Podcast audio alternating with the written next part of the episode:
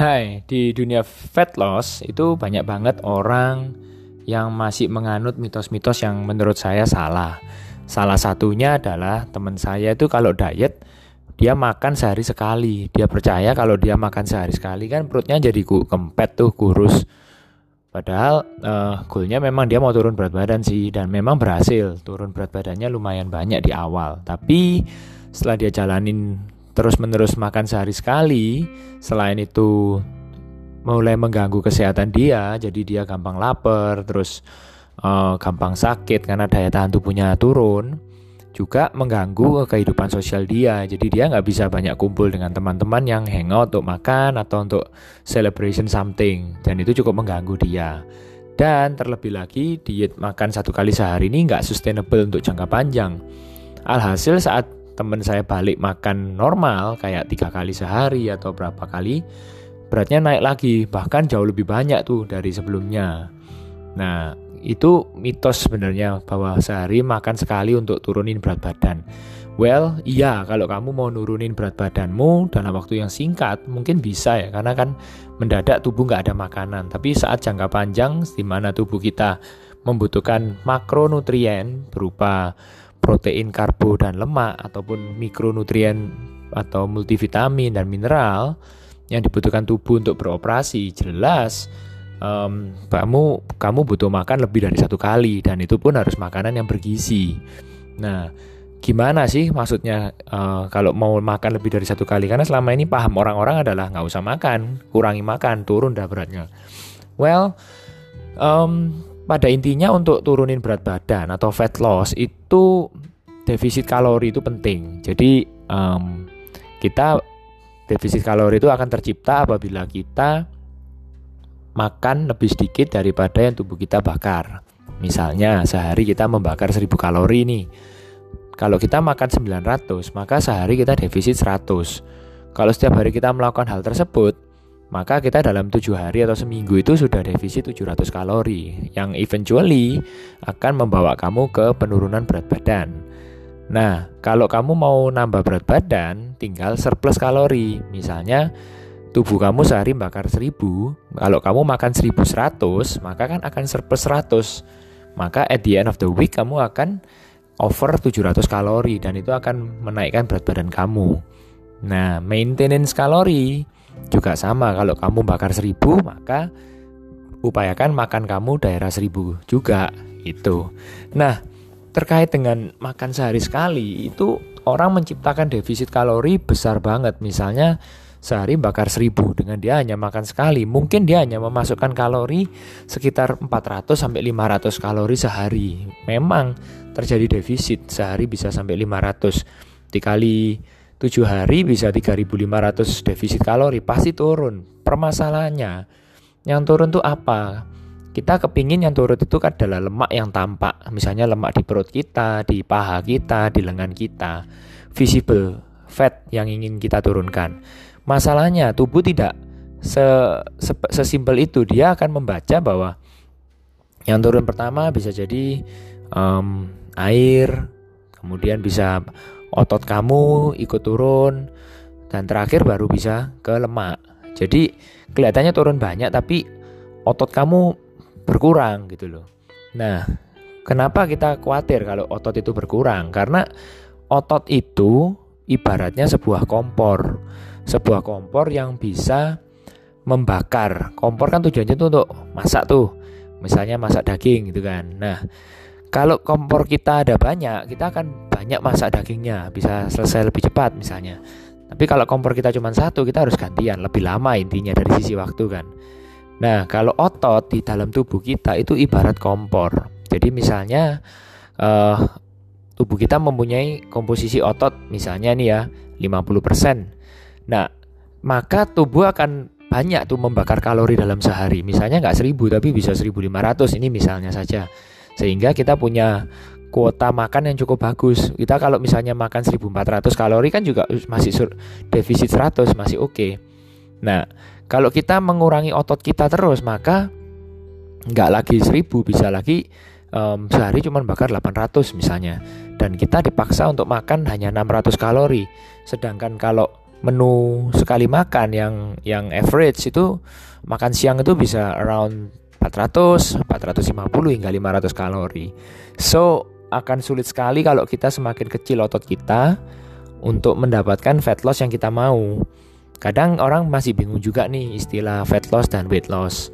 Fat loss kita ingin nurunin kadar lemak kita, sedangkan weight loss itu berat badan yang mana isinya bisa lemak, bisa otot, bisa mungkin bisa air seperti itu. Jadi sarannya gimana dong? Saran saya jangan makan sehari sekali, tapi tetap jaga kalori defisit kamu. Kamu mau makan sehari dua kali, tiga kali, empat kali, yang penting kalori defisit tercipta, maka kamu akan mendapatkan fat loss. Nah, caranya gimana? Itu mesti kita tes. Kalau kita uh, kita sehari ini makan berapa itu kita tes. Misalnya coba ya atur makan dari pagi sampai sore sampai malam tuh kayak gimana. Yang menurut kamu healthy atau cukup lah. Kamu cukup lebih diet tapi juga kamu nggak ketat-ketat banget lah. Nanti at the end of the week ditimbang beratnya naik atau enggak. Kalau misalnya berat kamu turun setengah kilo atau turun 2 on, 3 on, I mean you are on the right track. Turun sedikit-sedikit it's okay.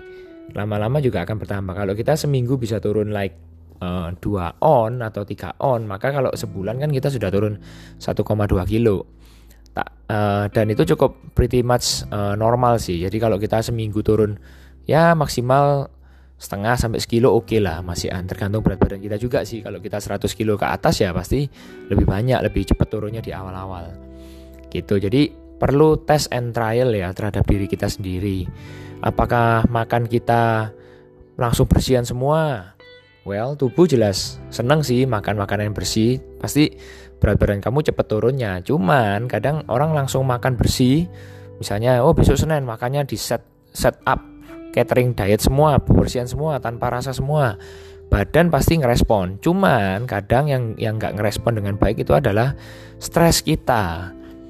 Jadi diet itu nggak cuma ngatur makan, tapi juga ngatur stress management juga nggak semudah membalikkan telapak tangan. Misalnya kita biasa makan ada asinnya, tahu-tahu nggak ada asin sama sekali. Itu kan ada willpower yang kita tahan tuh, maksudnya yang kita keluarin, keluar, keluarin malahan untuk bisa makan makanan yang tanpa rasa itu. Nah, kadang berjalan berapa hari atau mungkin seminggu dua minggu, udah jebol dah, udah begitu kena acara, kena makanan asin atau manis dikit, seneng, jadi agak susah balik on tracknya. Jadi itu problem juga kalau kita mau mulai diet what what must be done adalah kita coba sedikit demi sedikit lah misalnya kurangi porsi dulu bisa oh yang diganti yang uh, nasinya deh jangan nasi putih sekarang ganti beras merah uh, atau ubi atau oatmeal misalnya. Dagingnya masih sama diolah yang penting nggak digoreng misalnya ada bumbu-bumbu apa it's okay. Nanti perlahan-lahan dibetulin lagi dibetulin lagi sampai terbiasa. Jadi tak kira itu yang yang uh, satu dua hal tentang fat loss dan menjawab mitos makan sehari satu kali atau berapa kali itu sebenarnya yang penting tercipta defisit kalori. So jangan takut untuk makan, yang penting terporsi dengan baik. Terus uh, makanan berprotein, sayur itu kalau bisa utamakan karena selain dia mengenyangkan, dia juga penting buat otot kita serta kalorinya rendah terutama sayur. Nah, kalau karbohidrat saran saya sih um, ubi, oatmeal, um, beras merah dengan jumlah yang oke okay, itu masih oke okay lah untuk untuk menjadi asupan kita. Kalau fat biasanya dalam daging itu juga udah ada fatnya. Kalau mau ditambahi bisa dari uh, avocado misalnya it's okay. So buat diet kamu tuh menyenangkan, simple dan di, dipelajari terus ke badan kita. Kalau mau makan yang favorit misalnya bakso atau pizza, it's okay makan aja asal asal kamu ada porsi yang terkontrol dan misalnya hari Senin um, makan bakso ya Selasa ditahan. Nanti Rebo kepingin es krim ya kasihlah sedikit itulah buat buat uh, kangen-kangenan makanan yang kamu suka gitu. Jadi ada tarik ulurnya seperti itu. Jadi kalian diet kita diet kan tidak harus full se seumur hidup makan putihan terus kan kan nggak seru juga. So di mix saja yang penting bisa fun dan konsisten. Kayak gitu. Oke okay, good luck dan selamat mencoba.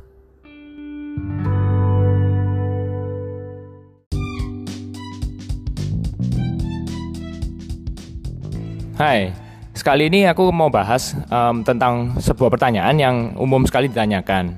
Gimana sih kok caranya ngecilin perut Perutku gede nih, gimana caranya? Kalau apa perlu sit up tiap hari, berapa kali, kayak gitu. Latihannya apa aja? Nah, sebelum menjawab ke sana, kita perlu menyadari satu hal. Kalau pertanyaan itu misalnya dibalik ya, um, gimana caranya kita kalau misalnya ini orang kurus nih ya, gimana cara gemuin pipi aja? Kalau misalnya kamu gemuk, gimana caranya nurunin uh, lemak di pipi? Milih gitu ya istilahnya. Nah, nggak bisa kan? Jadi kita kalau gemuk ya kita gemuk dengan sendirinya um, mana bagian yang gede akan gede. Dan itu mana duluan? Apakah itu lengan duluan, uh, perut duluan, atau paha duluan? Kita nggak bisa ngatur aku mau ngecilin pinggang bagian belakang saja nggak bisa gitu jadi itu istilahnya kalau dalam istilah fitness atau diet ini adalah spot reduction jadi dalam uh, aspek fitness ini nggak bisa kita melakukan latihan yang menuju ke satu otot tertentu untuk spot reduction ya maksudnya ya. Jadi kalau misalnya mau ngecilin perut kita latihan sit up sit up sit up itu nggak bisa karena basically latihan sit up atau latihan perut itu hanya melatih um, core kita, kekuatan otot kita, ndak ndak ke lemak kita. Nah, terus gimana caranya kalau kita mau ngecilin lingkar perut kita? Apa yang kita lakukan adalah pada makan dan latihan kita. Misalnya pada makan, lakukan defisit kalori. Apa yang kamu konsumsi lebih sedikit daripada apa yang kamu buang. Jadi um, atur kalori yang masuk di versus dengan kalori yang keluar. Kalau latihan konsisten, kamu melatih otot besar kamu, seperti latihan kaki, punggung, dada, bahu, otot atau otot kecil kamu misalnya lengan, um, perut dan betis misalnya. Dan kombinasi dengan kardio, baik itu pas hari kosong ataupun setelah latihan. Nah, kombinasi diet dan latihan inilah seiring waktu dalam jangka waktu tertentu akan membuahkan hasil penurunan lingkar perut kamu. Namun juga diiringi dengan pengecilan lingkar yang lain, misalnya lingkar lengan, lingkar paha, mungkin lingkar dada. Intinya, yang menentukan lemak mana yang turun dulu seberapa banyak itu adalah tubuh kita sendiri, bukan kita. Memang mau kita adalah lemak di perut misalnya, tapi ternyata tubuh e, mengerjakan pipi duluan misalnya. Setelah pipi baru di lengan, setelah lengan baru di perut, baru setelah itu di paha, misalnya seperti itu. Jadi bukan dikendali kita untuk menentukan mana yang akan turun duluan. Apa yang bisa kita kendalikan adalah apa yang masuk ke mulut kita.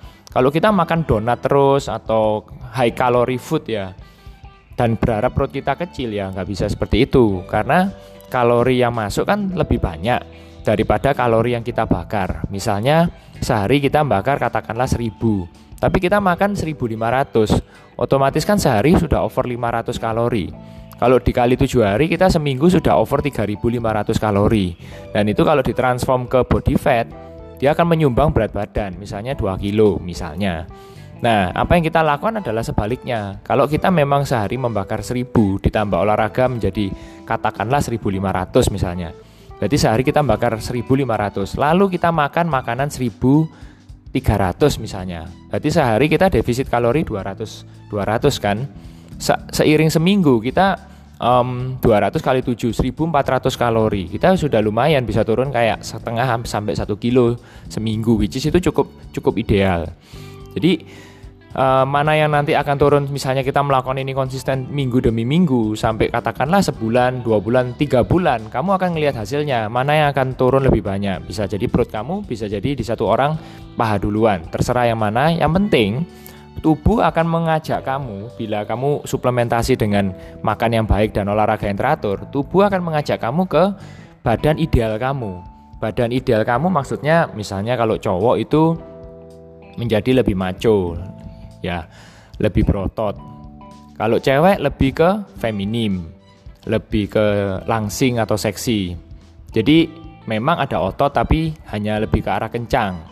Jangan sampai punya pikiran kalau oh cewek dilatih bisa jadi cowok itu beda cerita beda rumus beda podcast lah nanti kita ngobrolnya cuman yang pasti dengan suplementasi makanan dan latihan yang bagus cowok akan lebih ke naturalnya ke maco dan cewek akan ke naturalnya yaitu ke feminim atau lebih seksi.